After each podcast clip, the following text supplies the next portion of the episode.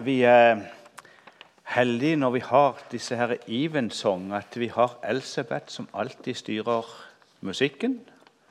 Og får det til å fungere, og det gjør det jo veldig bra hver gang. Og så har vi Odd Østby som skriver tekstrefleksjonene. Og så kan jeg få lov å lese det opp. Lydig venting står der som overskrift. Er det noe vi lærer gjennom livet, så er det å vente. Vi venter på neste bleieskift og neste måltid. Vi venter på å begynne i barnehage og på skole. Vi venter på jul, på å bli stor. Venter på bussen, på eksamen, på legetime, på at våren skal komme. Vi venter på gode ting, og vi venter på vonde ting. Noen ganger blir vi bedt om å vente. Andre ganger tvinges vi til det og andre ganger igjen velger vi selv å vente. Men uansett om det er frivillig eller ikke, så har vi aldri garantert at våre forventninger eller bekymringer blir realitet.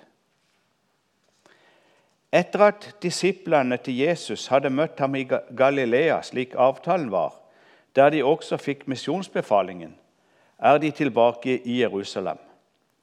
Og en dag mens de er samlet på Oljeberget, gir Herren dem sine siste instruksjoner og blir tatt opp til himmelen. En av befalingene var at de skulle holde seg i byen til de fikk det som Gud hadde lovet. De ventet lydig og ble ikke skuffet. De fikk kraft idet Den hellige ånd kom over dem, og en ny epoke begynner. Det kan se ut som Tidenes risikoprosjekt blir tvert imot tidenes suksesshistorie takket være Åndens kraft og veiledning. Men ventetiden må ha vært spennende og krevende. Supportergjengen til Jesus holdt seg tilbaketrukket og stille som et rolig tjern. Men så er det som om demningen brister på pinsedag, og alt forandres. I tillegg til at det var en helt enestående forteelse og sterk opplevelse for disiplene, må det ha vært en herlig bekreftelse på Jesu trofasthet og pålitelighet. Samtidig fikk apostlene oppleve resultatet av det som Gud minner sitt folk om igjen og igjen, og som Jesus gjentar, nemlig at det er lydighet Gud vil ha, og ikke offer eller smigring. De gjorde som de var blitt bedt om, både å dra til Galilea for å treffe Jesus igjen og holde seg i Jerusalem til de fikk det som var lovet dem. De ventet, ja visst, men det som hendte, var nok helt uventet for dem. Det hadde jo ikke skjedd før på planeten, og den kraften og det motet de fikk, var nok også helt uventet. Likevel ble ikke oppdraget deres problemfritt og smertefritt. Tvert imot.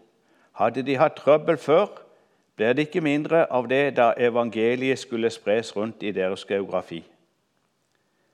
Hvor ble det av kraften med fysisk fyr og flamme fra pinsedag?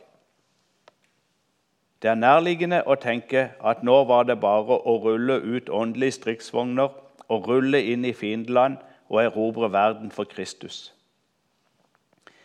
Det er vel omtrent så langt fra Bibelens tankegang man kan komme. Nokså tidlig i apostelens gjerninger sier apostelen Paulus vi må gå inn i Guds rike gjennom mange trengsler. Og samme apostel som har opplevd å være i henrykkelse og få åpenbart sannheter fra Gud, erklærer klart og tydelig når jeg er svak, da er jeg sterk. Kraften fullendes i skrøpelighet. Gjaldt det den gang, så gjelder det nå også. Vår tilstedeværelse her i kveld med tilbedelse av himmelens og jordens skaper og Herre er et resultat av pinsedagens under, da Ånden ble gitt til Jesu venner, som lydig og trofast formidlet evangeliet til sin samtid. Vi har stafettpinnen nå. Den skal og må gis videre ved Åndens kraft, som er like sterk og nærværende som den gang. Før pinsedag ventet Jesu venner på Åndens komme og kraft. Etter pinsedag venter hans venner, ledet av Ånden, på at han skal komme igjen i kraft og herlighet. Da vil all ventingen på noe bedre være over. Da er forventningene blitt realitet for alltid.